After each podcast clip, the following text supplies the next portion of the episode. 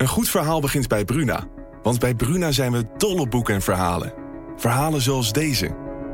De mist kwam uit de baai opzetten en besloop langzaam het Victoriaanse huis op Blake Street. Drong door de houten kieren naar binnen en bleef in dunne sliert in mijn kamer hangen. Ik lag te rillen onder het dunne dekbed. Wil jij weten hoe dit afloopt? Je leest het in In de mist van Golden Gate Park van Murat Isik. Nu bij Bruna.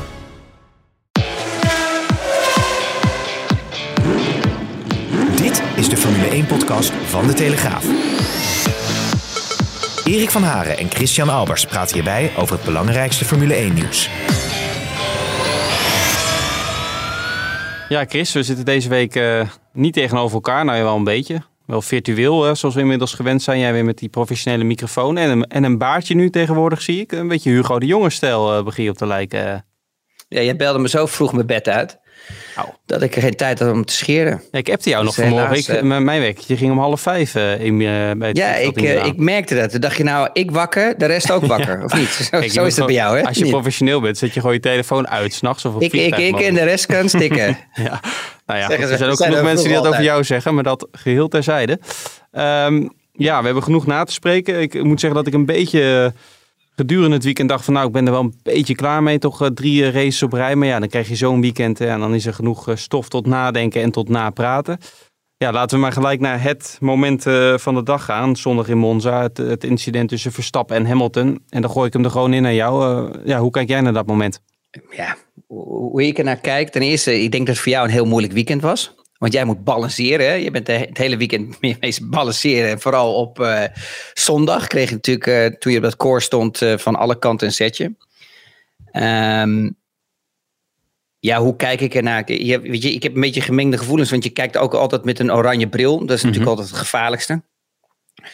Uh, maar als je echt realistisch gaat kijken, ja, dan, dan had Max daar niet uh, moeten zitten op dat moment. Uh, maar dat, dat is Max Verstappen. Hè. Die ziet een gaatje en ehm, ja, die is van jongs af aan natuurlijk ehm, zo ook gecreëerd door natuurlijk. Hè. En, en als je eigenlijk dat hele groeiproces tot en met de Formule 1 Um, als je dan Max een beetje gevolgd hebt, dan, dan, dan, ja, dan merk je ook van dat het een type coureur is die, uh, ja, die, die niet de ruimte geeft die al iemand anders nodig hebt. Nou was natuurlijk nu andersom met uh, Lewis. Um, ja, toch heb je maar, we ja, het naar Silverstone ook over gehad. Maar toch heb je toch de laatste jaren, daar was jij het niet helemaal mee eens.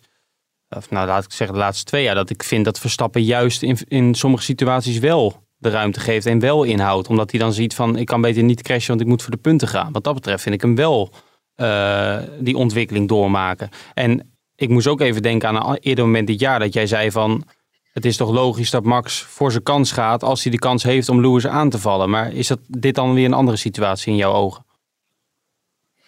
Um, nee, want ik bedoel, kijk, weet je, het zijn allemaal een beetje gemengde gevoelens. En het ligt er ook aan in welk kamp je zit. Hè. Zit je in het kamp uh, van Lewis of zit je in het kamp van Max Verstappen? Dat is natuurlijk hoe, je, hoe je het zelf wilt zien.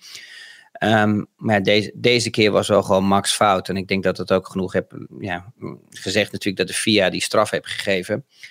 Um, aan de andere kant zeg je, ja, weet je, eigenlijk elk incident is een race-incident. Ik kan me niet voorstellen dat in die split seconds of in tiendes of in honderdste of in duizendste... Um, dat je een beslissing maakt om iemand moedwillig er vanaf te rijden. Dat hebben, daar hebben we het ook over gehad in Silverstone. Ja. In Silverstone was ik het ook niet met iedereen eens. Ondanks dat ik wel gewoon een Max-fan ben. En, en, en, en Max um, is gewoon het nieuwe natuurtalent. En is gewoon uh, ja, uh, wereldkampioenschap materiaal voor de toekomst. Maar dat wil niet zeggen dat je in alles mee moet gaan om maar iemand te pleasen. Dus ja, weet je, als ik er naar kijk, dan, dan zeg ik gewoon heel duidelijk, Erik, van ja, weet je, Max heeft gewoon heel veel momenten gehad waar hij gewoon absoluut geen ruimte geeft voor een andere coureur. En, en we kunnen daar lang of heel kort uh, over praten. Maar de realiteit is natuurlijk gewoon, als je gaat kijken naar Imola, Um, met de race start, dan zie je ook dat hij eigenlijk uh, Lewis uh, naar buiten duwt. Als je gaat kijken naar Barcelona is precies hetzelfde. Als je gaat kijken naar Silverstone um, met, de, met de sprintrace, maar ook de eerste paar bochten tot, totdat ze bij kops komen. Um, het is altijd wel een beetje de, weet je, do it my take highway. Bij veel situaties. En je ziet continu Lewis moet incasseren en dat hij toch, dat hij toch meer naar de safe side gaat. Alleen waar we het over gehad hebben in Silverstone, op een gegeven moment houdt het een keer op. Ik bedoel, Lewis Hamilton is van hetzelfde kaliber als Max Verstappen. Dat zijn twee geweldige coureurs. Het is een, beetje Senna-Prost situatie waar we in zitten. En die geven elkaar, of tenminste, Lewis gaf altijd de millimeters en de centimeters aan Max. Mhm. Maar ergens moet je een keer een lijn trekken. En die lijn is getrokken. Uh, gebeurd. Ja, en dat is sinds Silverstone gebeurd. En aan de, aan de ene kant, ja, eh, hoe lullig het ook klinkt, ben ik het wel eens met Lewis. Ehm, hoe hij die lijn getrokken heeft. Want dat houdt gewoon een keer op. En ehm, we zitten allemaal in situaties um, waar het gewoon heel moeilijk is met auto's in te halen. Omdat je veel met turbulentie te maken hebt. Hè, met die vieze lucht. Waardoor je dus gewoon minder downforce hebt. Waardoor je dus ook hè, minder snelheid door bochten kan rijden als je achter iemand rijdt. En dan heb je momenten waar je het moet doen in de eerste ronde. En als ik terug ga kijken, bijvoorbeeld in Monza, dan zeg ik ja, weet je, dat was een opportunity. Max wist dat dat de enige opportunity was. Ja, en dan vind ik het altijd zo makkelijk dat hè, de Engelsen weer zeggen van, hij was gefrustreerd door de pitstop. Ik, ik vind dat, mm, ja, geen Kan ik me haast niet voorstellen, maar ja, nee, jij weet dat beter. Vind ik, maar... ook geen, vind ik ook absoluut geen argument. Maar op een gegeven moment, je, je weet zelf ook, er, is ruimte in die tweede bocht. En dan kan iedereen zeggen, ja, hij had maar ruimte moeten laten. Maar je kan, je kan niet verwachten van een, van een coureur, en zeker niet een, een, Formule 1 coureur, om over de marbles te gaan rijden omdat, uh, omdat meneer Verstappen ernaast zit of dat een andere coureur ernaast zit. En natuurlijk met een start, weet je wel, dan gaan mensen altijd een vergelijking doen met een andere situatie. En dat is eigenlijk allemaal nonsens, want bij een startsituatie, weet je wel, is het anders. Weet je, dan rijdt gewoon het hele veld naast elkaar, je start naast elkaar, je hebt niet genoeg... Uh, uh, ruimte en, en, de lengte om, om je te positioneren. Dus je komt met z'n allen tegelijk aan bij die bocht. En dan is het natuurlijk ook de vraag van oké, wie laat je leven en laten leven? Ja, En, en nu, op dit moment, kijk, en, en wat ik altijd gewoon een beetje eenzijdig vind, is dat um, ja, de continu natuurlijk uh, dat, dat daar die oranje bril te ver gaat. Ik bedoel, weet je, er is absoluut als je ziet bijvoorbeeld het vorige weekend uh, in Zandvoort, hoe fantastisch het doet, hoe die voorweg rijdt. Weet je, er is, er is gewoon geen discussie dat het gewoon een natuurtalent is. En dat het een van de beste coureurs is eh, op dit moment in de Formule 1. En dat hij ook uh, wereldkampioen gaat worden als het materiaal alles mee zit. En misschien ook nog wel dit jaar denk ik dat hij een hele grote kans gaat maken. Maar als je echt als een analist, als ik als een analist nu zoals jou het moet uitleggen, dan zeg ik, ja luister eens, weet je, er zijn veel situaties geweest wat een beetje typisch is voor Max. En uh, dat kan positief en dat kan je negatief zien. Het, is, het ligt eraan van welke kant je het ziet. Maar er is gewoon een intentie bij Max van als je ernaast zit of wat dan ook. Hij geeft die ruimte niet. En, ja, en jij bent dat niet helemaal met me eens. Maar, of tenminste, jij zegt dat hij wat... wat dat hij wat, eh, wat rustiger daarin is nou, geworden. veel momenten, maar, ik ben, als ik even mag interpreteren. Ja, maar als ik, ik denk dat hij, alles ik denk dat hij. Uh, ja, maar ik denk dat hij. Kijk, maar nu som jij wat jij nu doet. Je zegt we moeten niet dat met elkaar vergelijken. Maar je pakt zelf ook weer oude momenten erbij om wel te vergelijken. Um, maar gemene deler is dat we denk ik. Nee, nee, nee, ik, ik, bedoelde eigenlijk momenten.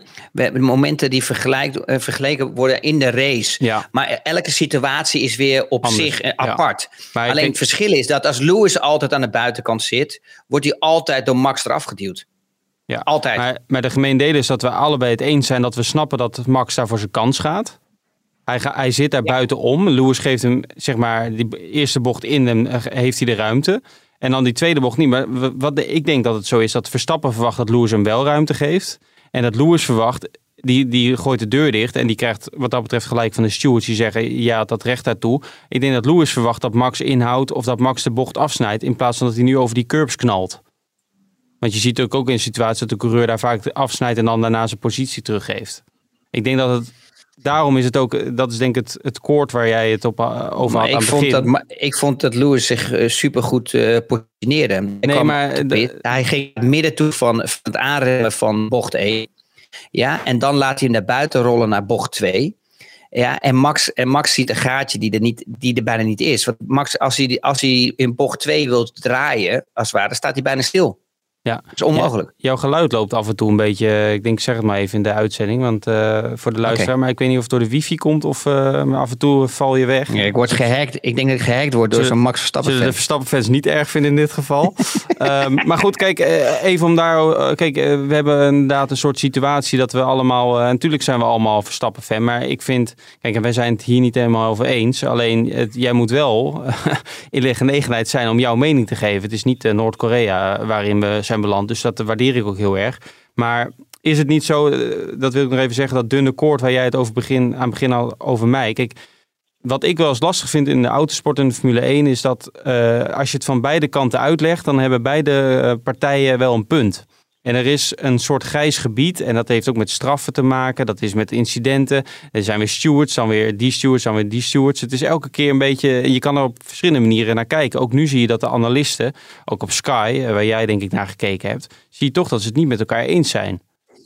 En dat is toch wel eens lastig voor de volgers misschien. Maar dan is het denk ik goed om allebei de kanten te belichten. En dan kan de volger, de lezer, de kijker, de luisteraar... kan dan zelf een oordeel vellen. Ik denk dat dat de, de juiste weg is om te bewandelen. Maar wat vond je, en wat vond je van de reacties dan? Want ik, ik zag bij Red Bull en Mercedes, het was wat minder verhit dan in Silverstone. Bij Mercedes zei ze uh, eigenlijk van ja, dat ze bij Red Bull zeggen dat het een race-incident is. Dat zegt eigenlijk al genoeg dat ze weten dat Verstappen fout zat. Ja, eh, daar ben ik ook met je eens. Want als je ziet bijvoorbeeld hoe Horner natuurlijk ze nu uiten. Maar misschien heeft hij ook geleerd van de, van de, van de situatie de laatste keer in Silverstone.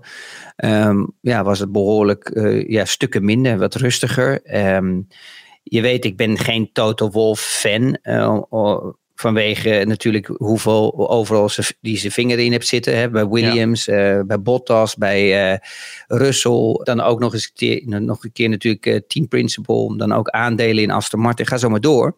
Ik ben geen fan van hem. Maar ik vind wel dat hij gewoon echt gewoon 50% of 100% meer professioneel is als Christian Horner. Hoe die zich uit.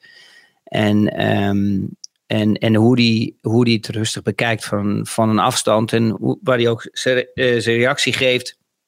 Dat de stewards uh, ook de beslissing moeten maken. En dat het gewoon geen zin meer heeft. En hij, hij leert wel gelijk van de situaties die ervoor mm. uh, zijn gebeurd. En daar anticipeert, anticipeert anticipeert hij op. Ja, ja maar ja, daar, daar wil ik wel. Ja, maar Toto zegt wel tot twintig keer toe van dat hij gebruikt hij de term tactische overtreding van Verstappen. En daarmee impliceer je uh, dat, dat hij het expres doet. En eh, wat dat is denk ik niet het geval. Maar als hij dan als Toto er dan naar gevraagd wordt van wat bedoel je met tactische overtreding? Bedoel je dat hij het expres deed? Dan wil hij dat weer niet zeggen. Dat vind ik dan weer een beetje laf. Dan moet je het ook niet doen. Dan moet je het ook niet zeggen. Ja, maar er zijn natuurlijk ook twintig interviews. Ik kan niet twintig keer hetzelfde verhaal vertellen. Maar de, de, interviews die ik heb gezien bij Sky. En in het interview wat ik heb gezien bij Formule 1, die waar, die, daar zei hij dat niet. Dus het ligt er een beetje, oh, ja, het ligt een beetje aan welk. Wij zaten in een media, we hebben, dat doet Mercedes zo goed, in zo'n media call met Toto voor de schrijvende pers na afloop. Uh, gisteravond half zeven of zo. Ja. Um, Bert Westendorp vroeg aan jou bijvoorbeeld, wat had jij gedaan in de situatie waarin Max kwam, toen Louis de pits uitkwam? Pah, nou, om heel eerlijk te zijn, ik denk hetzelfde. Ik denk dat je, ik denk eh, het enige verschil was dat je, dat je zag dat gewoon in turn 2 dat er gewoon geen ruimte meer was. Dus daar had ik hem misschien rechtdoor gestoken. Um, maar weet je, het is, het is allemaal zo makkelijk praten achteraf. Want het zijn allemaal momentopnames die, gewoon, weet je, die je gewoon in een split second moet uh, maken. En ja, we hebben al vaker gezien, ja, Max houdt gewoon van close racing. Ja. En die is nergens bang voor. Ja, en dat nergens bang voor zijn, dat kan ook wel eens een keer gewoon straks een keer fout aflopen. En laten we hopen, niet in een zwaar ongeluk, maar wel gewoon dat die punten, ik bedoel dan heb ik het eigenlijk over, over ja, kostbare punten verliezen. Ja. Um, en dat hebben we gezien uh, bijvoorbeeld ook in Silverstone, dat, uh, dat Lewis wel weer door kon gaan met de race. Ja, en, dat, en dat heeft hem wel veel punten gekost.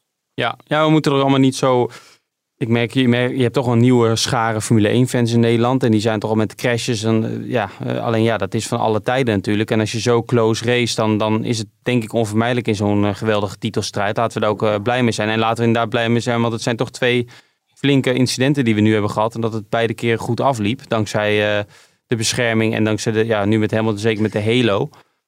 Um, dus ja, dat is misschien ook wel even goed om te melden. Um, ja, en realiteit is natuurlijk ook Erik. Ik weet je, is ook, ook Max Verstappen die aankomt natuurlijk bij het rechte stuk. Weet ook dat het dat moment is dat hij het moet doen. Ja. Want anders, anders heeft hij gewoon een probleem. En dan kan hij alleen maar Lewis volgen. En hij weet dat Lewis verdwijnt bij de horizon. Weet je, het is gewoon Ja, dat is weer een vraag die nu terugkomt. Ik kan me herinneren dat we daar in Bahrein, dat was de eerste race van het seizoen, moet je nagaan. Toen hadden we ook zo'n moment hè, dat Max een positie terug moest geven met track limits. Toen legde jij ook goed uit van ja, dan kunnen mensen wel zeggen van kun je niet de ronde laten doen. Maar je hebt zeker in Monza toch gezien hoe lastig het is om überhaupt iemand te volgen. Als je zag hoe lang Max achter, nou ja, die heeft alleen maar achter Ricciardo gezeten. En Hamilton natuurlijk lange tijd achter Norris. Uh, met die vuile lucht dat je zei. Dus dit was ook zijn enige kans. Hè, met Hamilton die net uit de pits kwam, nog met die koude banden. Ja, maar datzelfde, dezelfde situatie was natuurlijk ook in Silverstone. Je, je, hebt, weet je, je, hebt de, je, je kan niet eh, dat al van tevoren bedenken waar je iemand gaat inhalen. Zo werkt dat niet in de Formule 1. Je moet elke kans moet je pakken die je pakken kan en, en die je kan creëren, moet je kunnen creëren om er voorbij te gaan.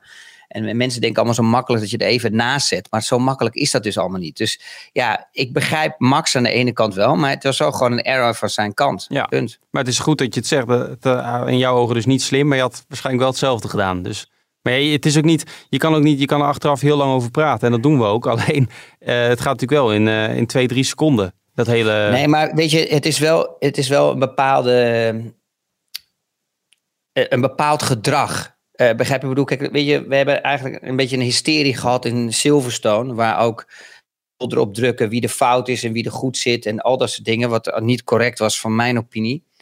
Um, maar daar hadden we allemaal, hè, het gedrag van Hamilton was niet goed en al dat soort dingen. Kijk, en als ik dan ook zo zie, bijvoorbeeld bij het weglopen, de een is woest, de andere niet. Weet je, het blijft elke keer weer terugkomen, weet je En, en, dan denk ik op een gegeven moment wel eens, jij weet je, ik word wel een beetje moe van deze crashes, want je, doet nooit goed. Um, om te zeggen wie fout is en goed zit. Nee, inderdaad. Uh, het ging weer even goed met het geluid, nu werd het weer wat minder, maar uh, we gaan gewoon door op deze manier. Dus weet niet of jij de rekening betaald hebt thuis, maar anders uh, kan misschien de Telegraaf wat overmaken, gezien al jouw bewezen diensten. Dat zou, dat zou wel een keer fijn zijn, ja. of niet? Ja. Uh, Dennis Broekhart die vraagt, had de crash misschien voorkomen kunnen worden als die curbs niet zo hoog waren daar in die chicane? Nee, want Max had hem nog steeds gewoon in het linker achterwiel gereden. Oké, nou, 100%. Bedankt Dennis. Um, Wouter Nagel zegt. Dus dat is de realiteit. Zou, Max een nog betere, zou Max nog een betere coureur zijn als hij wat berekenen zou kunnen racen? En dit is in sommige situaties wat meer eieren voor zijn geld zou kiezen in plaats van in elk gat te duiken. Ja, maar dat gaat hij niet doen, want hij is zijn hele leven lang doet hij dit. Nee, en ja, dat vind ik ook een beetje. We, gaan nu in één keer van Max Verstappen vragen dat hij na, in zijn zevende seizoen zijn reis zo aanpast. En, en daarna, ik herhaal toch nogmaals dat ik, dat ik vind dat hij zeker minder agressief is gaan rijden dan een paar jaar maar geleden. Dat heeft niet, maar, dat heeft niks, maar dat heeft niks te maken met de rijstijl.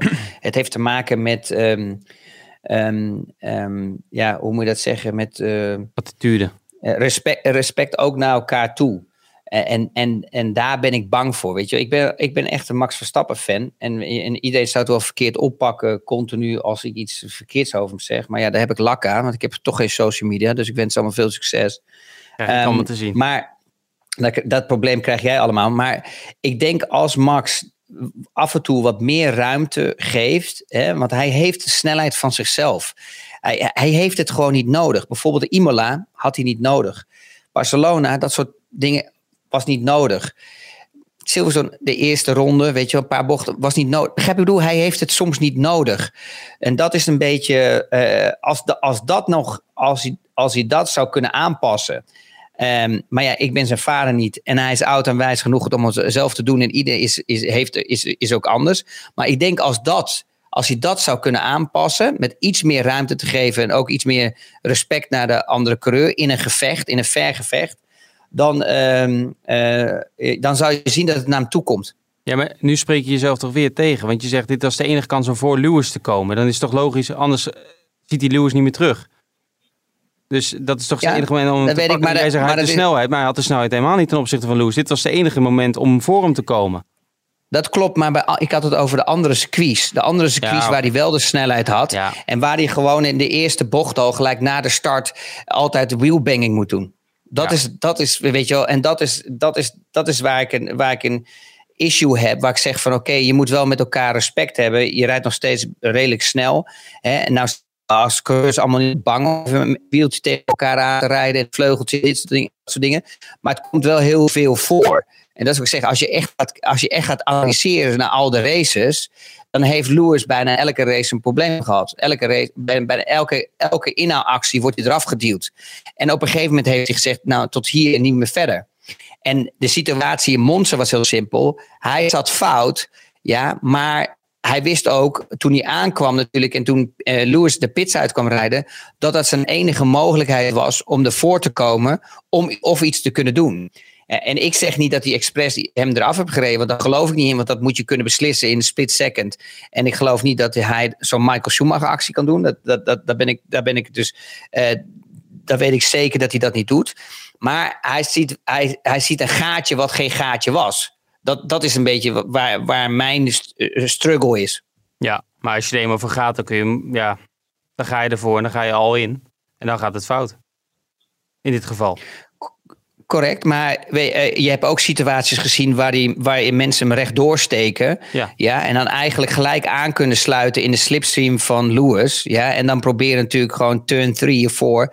4 is het eigenlijk, maar turn 3 is gewoon vol gas. Dus voor mij geen bocht. Maar oké, dat hij in bocht 4 dan weer naast kon zetten. Zoals bijvoorbeeld ook uh, met de start gebeurde. Ja, ja dat, dat, had hij, dat had hij kunnen doen. Ja, want ik heb bijvoorbeeld ook een vraag van Rijn, en die, maar dat heb je al een beetje uitgelegd. Waarom konden Norris en Hamilton wel met z'n tweeën, sorry, door de bocht, um, waarbij Lewis Norris achter zich liep bij de exit van die bocht. Uh, en later met Max ging het fout. Dus, dus, maar dat was dus een andere situatie direct na de start. Ja, maar, je, maar het verschil is dat de ene. Uh, het ligt er ook aan waar de positionering is van de auto. Dat is zo moeilijk uit te leggen op een podcast. Maar hier was Lewis echt al wel ver voor uh, Max. Ja. En hij gooit op het rechte stuk die deur al dicht. Eigenlijk. Ja, ja. ja hij, hij, hij positioneert zich al. Ja. Max gaat dan eigenlijk nog meer naar links. Die gaat nog later remmen. Die, in, in die remte maar zware wilt hij hem de buitenom voorbij.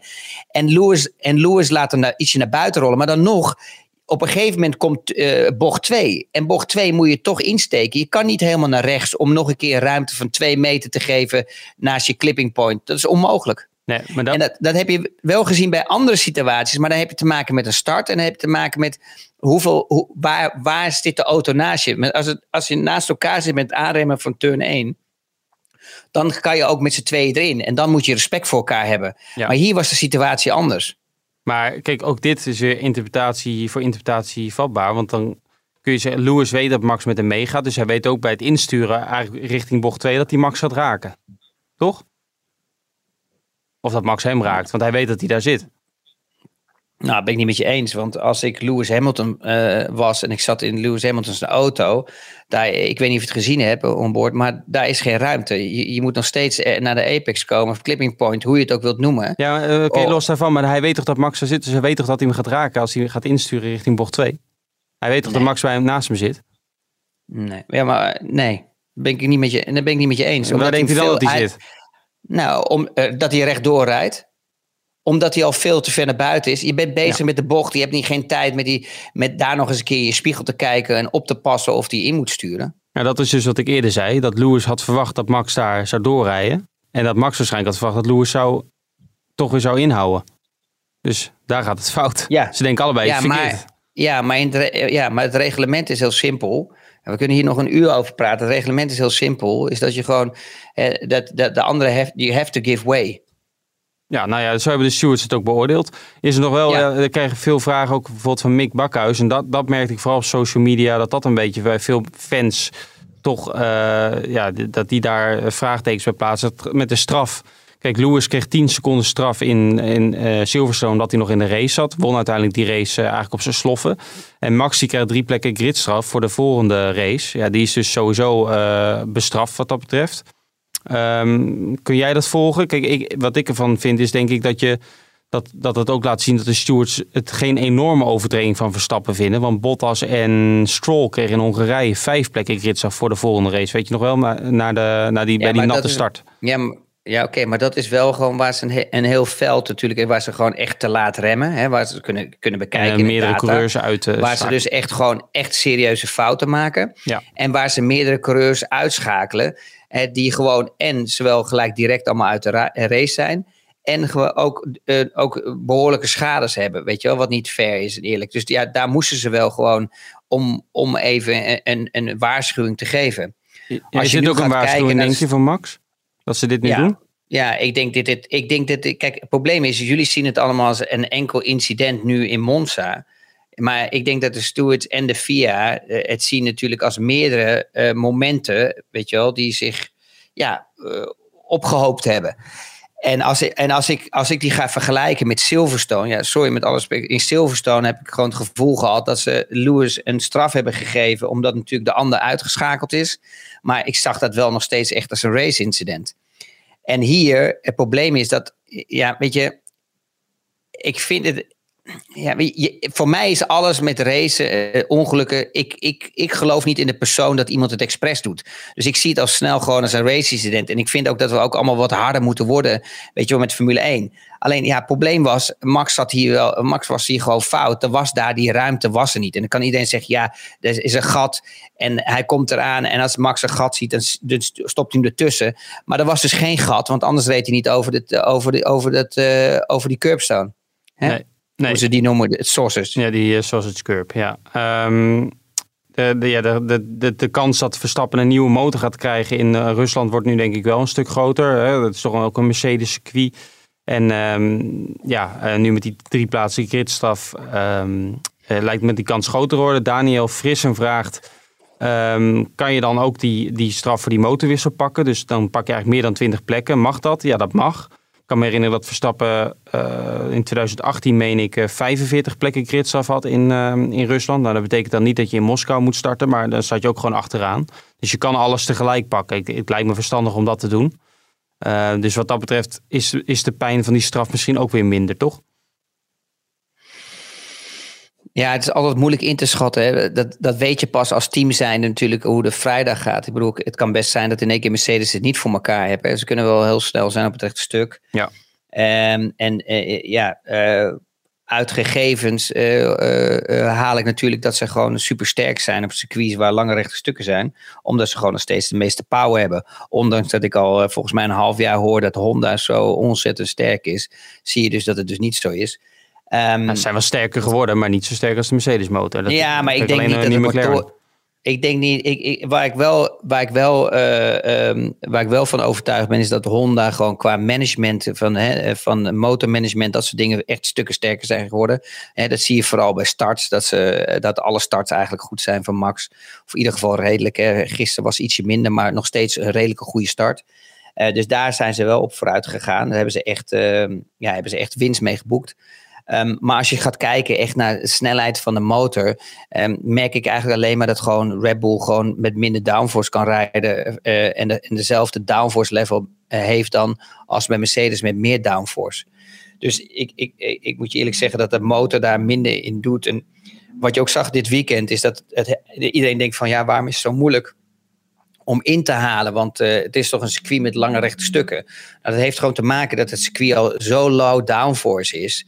Dat bijna de DRS bijna geen uh, ja, effect heeft meer om er echt voorbij te gaan. En je zag natuurlijk wel situaties zoals met Bottas. Maar dan moet je natuurlijk ook in re rekening mee houden dat hij natuurlijk een frissere set banden heeft. En natuurlijk ook nog eens een auto heeft die ook wel echt stukken sneller is. dan de auto's die hij op dat moment ging inhalen. Dus ja. dat is natuurlijk ook niet echt fair om te zien. Nee, dat was ook een vraag van Steven Verkerk. Waarom het hem voor Bottas nou makkelijk was om naar voren te rijden. Terwijl Hamilton zo vermoeid had met Norris. Maar ja, volgens mij is dat simpel. Dat die McLaren een iets andere auto is dan de auto's die Bottas inhaalde. Ja, nou ja, de McLaren was gewoon uh, meer competitief richting de Mercedes. Nou is de Mercedes nog steeds wel sneller.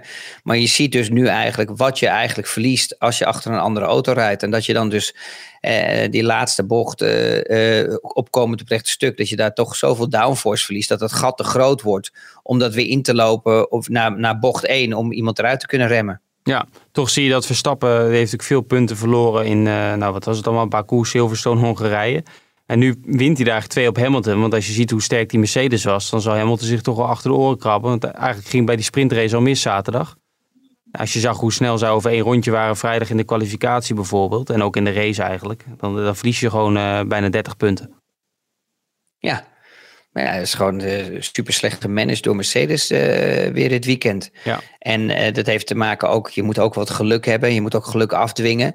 Um, maar dat is nou het mooie van Formule 1 natuurlijk. Is natuurlijk dat je gewoon nooit weet waar je aan toe bent. En, en, en wie had nou verwacht dat, dat we naar een weekend toe gaan in Monza.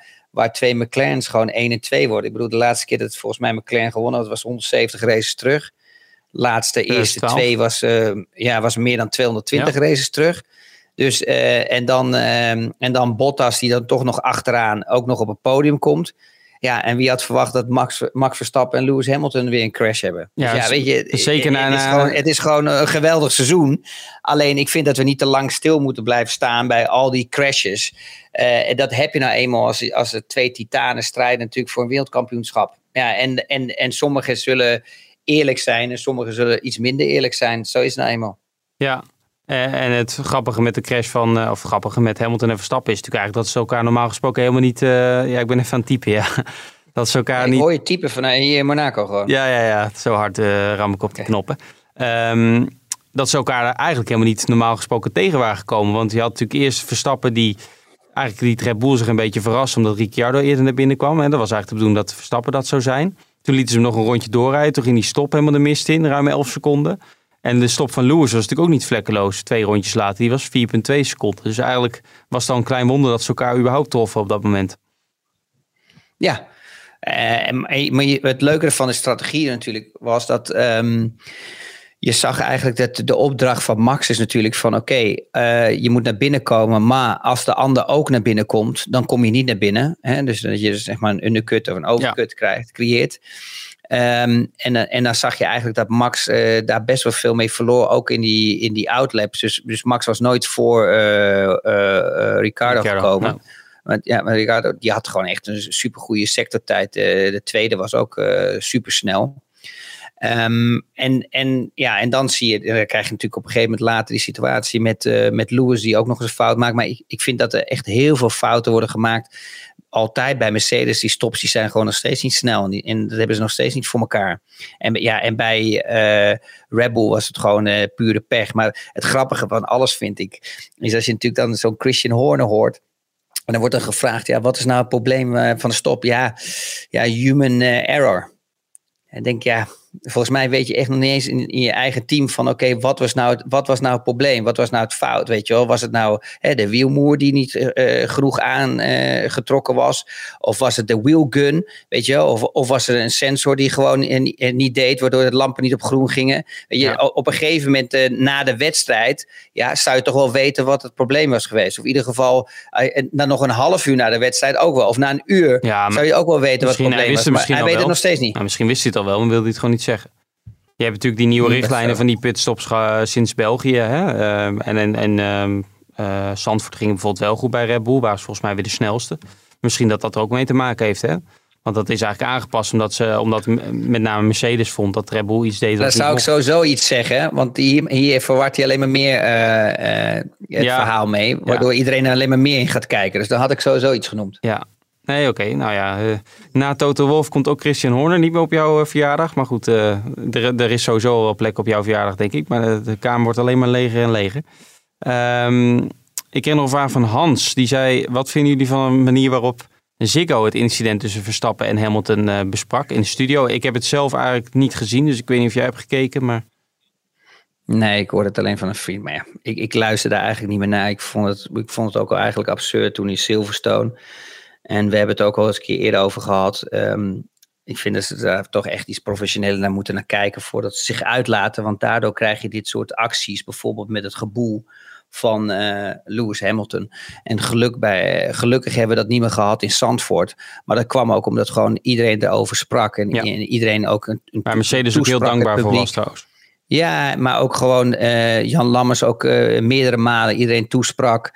En wij hebben er iets over gezegd. En gelukkig is dat allemaal weg. En, en, begon ook iedereen te respecteren. Want ja, zonder die twee heb je geen mooi kampioenschap.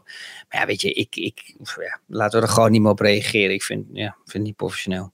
Nee, ja, ik, wat ik zei, ik heb het niet gezien, maar ik kan me voorstellen dat het allemaal heel erg vanuit één kant wordt belicht. En dat is wat ik eerder ook al zei. Ik ja, vind maar dat, ja, ik, dat, vind dat, dat je, is... ik vind dat je beide kanten moet belichten. En dan moet je de conclusie, of dan moet de kijker zelf een mening kunnen vormen.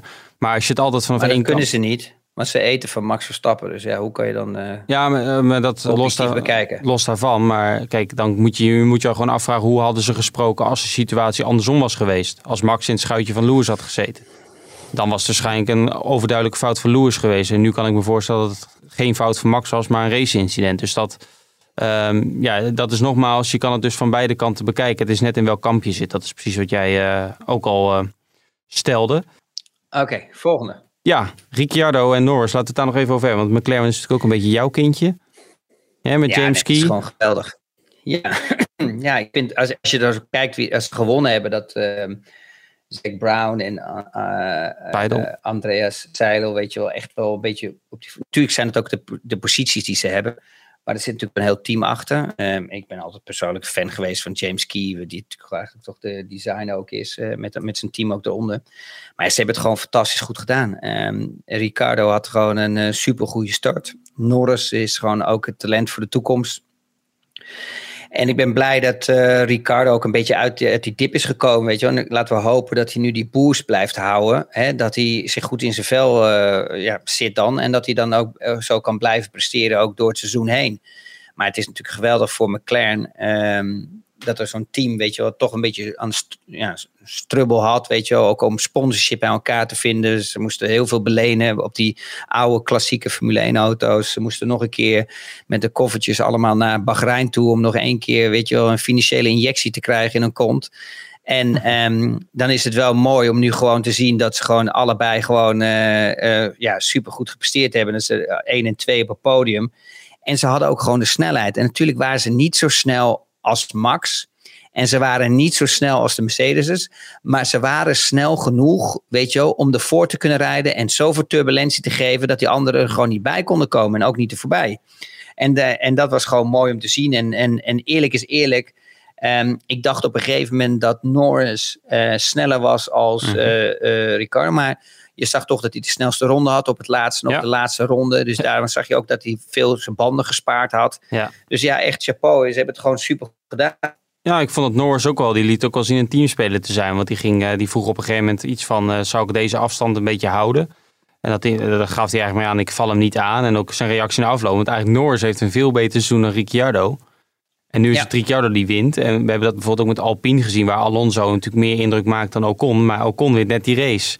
Lijkt me ook al, ja. lijkt me aan de ene kant ook wel weer frustrerend. frustrerend. Ja. Ja, jij bent degene die constant presteert. En, maar je wint misschien ja, je wint één race in het jaar, wat al een klein wonder is. En dan is het je teamgenoot. Het is, uh, weet je, het is, je kan net zo uh, blij zijn met je team zoals je uh, zo, naar buiten komen en zo. Maar van binnen vreet het je op natuurlijk. Want kijk, die eerste plek, die pak je niet zomaar weer even terug. Weet je wel, waar, waar, waar gaat het voorkomen natuurlijk dat McLaren misschien nog een keer een race gaat winnen? Dat is natuurlijk niet zo heel makkelijk. Hè? Ik bedoel, als je ziet de qualifying. um, hebben ze natuurlijk ook een beetje geluk gehad met die sprintrace. En dat Bottas natuurlijk die, die, die plaatsen straf kreeg door, uh, um, door uh, de weight nou, door, door, die, door die motorwissel en dat soort dingen allemaal. Um, maar dat komt niet zo. Of dat voor gaat komen nog een keer dat ze kunnen winnen, dat wordt natuurlijk heel moeilijk. Dus ja, zo'n eh, zo'n ja, ja, Norris die vreet zich natuurlijk op. En van binnen. Ondanks dat ik het wel gewoon een sportief, uh, echt een sportieve coureur vind. En ook echt heel leuk hoe, die, uh, hoe zijn voorkomen is. Ik denk een van de leukste coureurs bijna van het veld. Als ik, het, als ik hem zo bekijk. Um, maar het is wel gewoon balen. Ja. Voor hem. Ja. Want hij doet het het beste. En dan zie je altijd, dat is hetzelfde net wat je zegt met Alonso en Ocon. Ja, en dan heeft, eh, hebben ze die anderen net even dat momentje. En dat momentum, weet je wel, waar ze een stukje geluk hebben. En dan, uh, ja, en dan vervaagt eigenlijk de, alle resultaten van de andere coureur in één keer van de tafel. Ja. Um, stoel. Dan niet zijn echte naam. Ze had ook een foto op Twitter van een stoel. Dus dat is dan wel uh, mooi toepasselijk. Die vraagt of jij, of jij wat meer uitleg kan geven over een begrip wat je vaak gebruikt. Mechanische grip. Um, en hoe kan het zijn dat het ene team dat beter voor elkaar heeft dan een ander team? Ja, dat heeft gewoon te maken met design. Hè? Dus um, waar, waar zit er eigenlijk, uh, hoe, hoe zit de ophanging? Um, um, hoeveel camberrijen, hoeveel toe-in, toe-out? Ga zo maar door. Dus je moet eigenlijk zomaar zo denken dat als je over mechanische grip praat, moet je gewoon de voorvleugel en de achtervleugel eraf halen. Ja? En, de, en, en, de, en de onderbodem ook. Dus alles wat niet downforce creëert uh, en dan de grip van de auto, dat is de mechanische grip. En als je dan gaat kijken naar aero, het aerodynamische gedeelte, dat heeft dan echt te maken gewoon bijvoorbeeld in de windtunnel. Dat is zeg maar de force, hè, de kracht dus zeg maar van de wind die de auto, als die over de auto heen komt, hoeveel downforce een auto produceert. Dus hoeveel die op de, op de grond wordt gedrukt door allerlei vleugeltjes en, uh, en, en airflow. Zeg maar ook allemaal, je hebt ook allemaal zeg maar, zware richtingen waar de wind naartoe wordt gedrukt. Hè, door de air, airboxes heen. Maar ook bijvoorbeeld uh, over de ondervloer die heel veel downforce creëert. En, um, maar de kunst daarvan is van de aerodynamische afdeling is daar zoveel mogelijk downforce te creëren. Maar zo min mogelijk drag ook, ook te hebben. En drag wil eigenlijk zeggen dat is eigenlijk meer de wind die je tegenhoudt.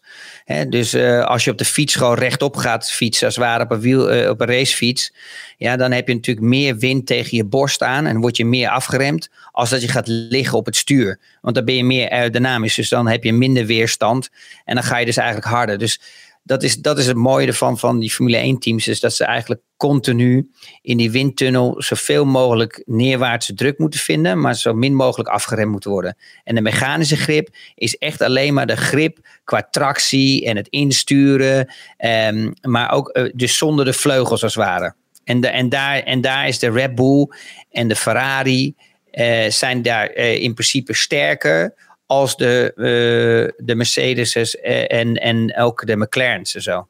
Ja, vind je leuk dit soort vragen?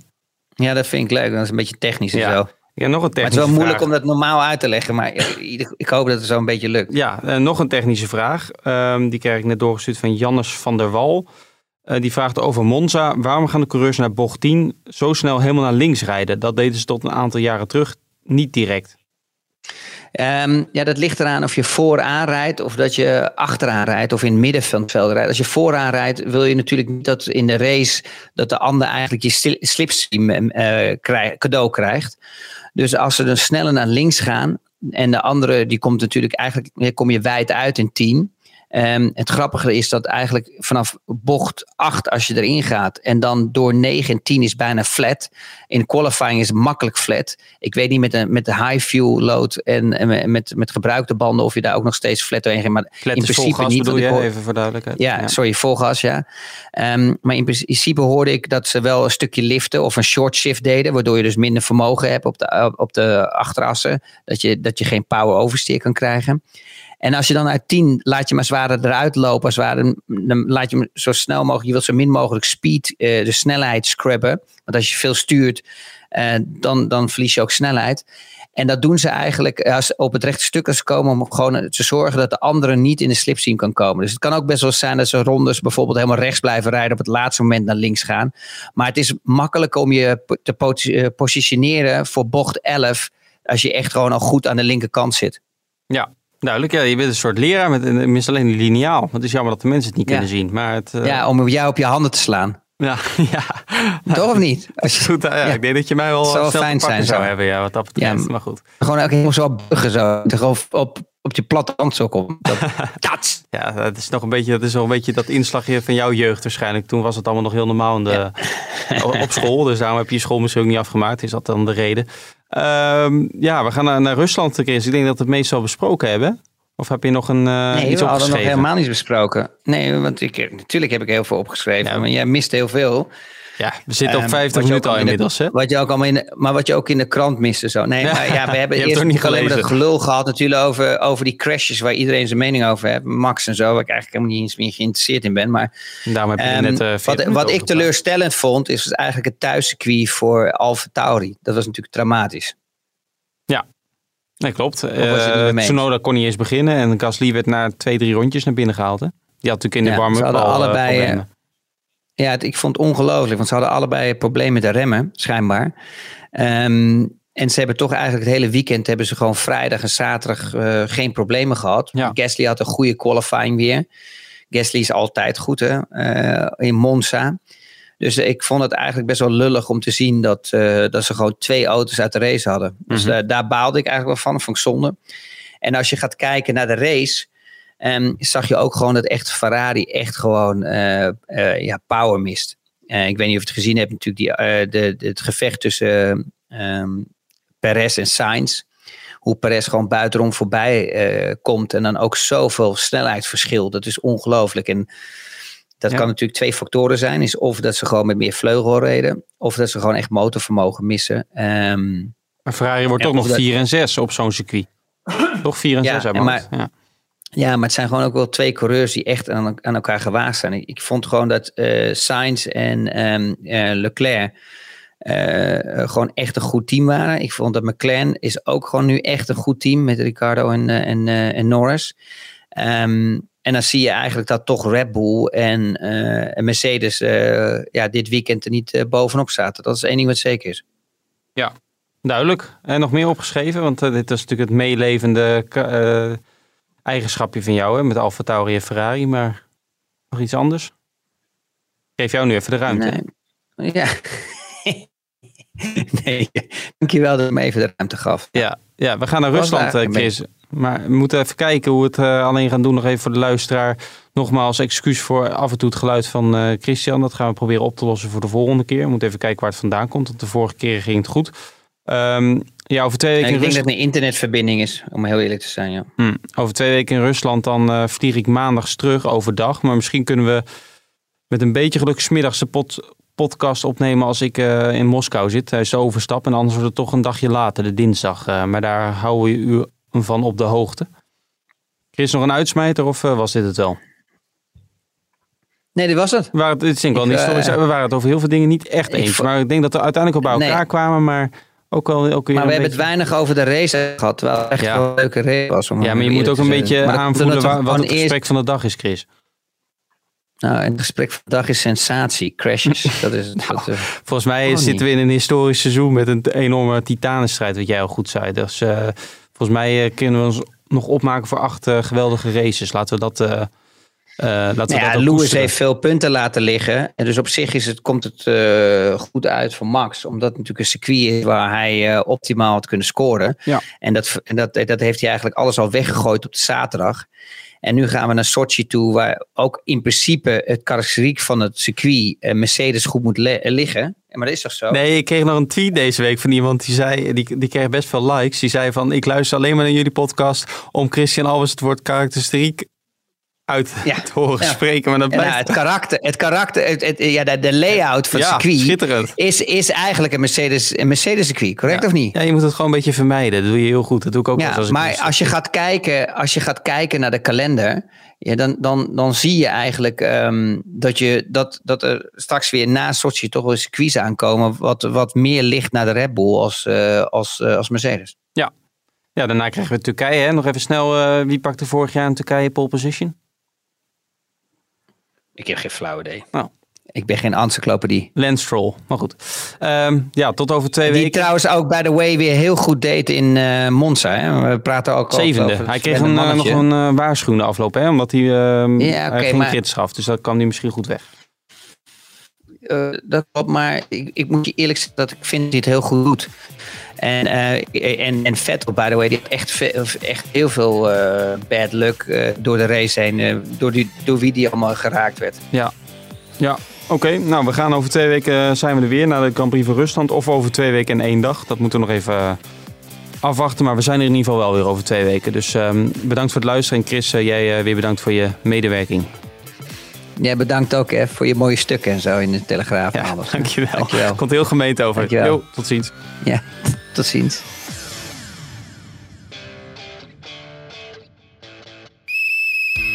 Meer podcast luisteren? Probeer dan ook eens de voetbalpodcast Kick-Off van De Telegraaf. Met chef voetbal Valentijn Driessen altijd met een scherpe mening. En dan uh, denk je, en uh, al die praatprogramma's, uh, gadverdamme zeg. Met Ajax-volger Mike Verwij altijd met het laatste nieuws. Lampkoek twee keer op elkaar is nog in twee meter vier. nee. En het allemaal onder mijn leiding, Pim CD. Wat is eigenlijk het belangrijker voor de stad Rotterdam? Songfestival of Feyenoord-Utrecht? Iedere maandag en vrijdag op de site van de Telegraaf en in je favoriete podcast-app.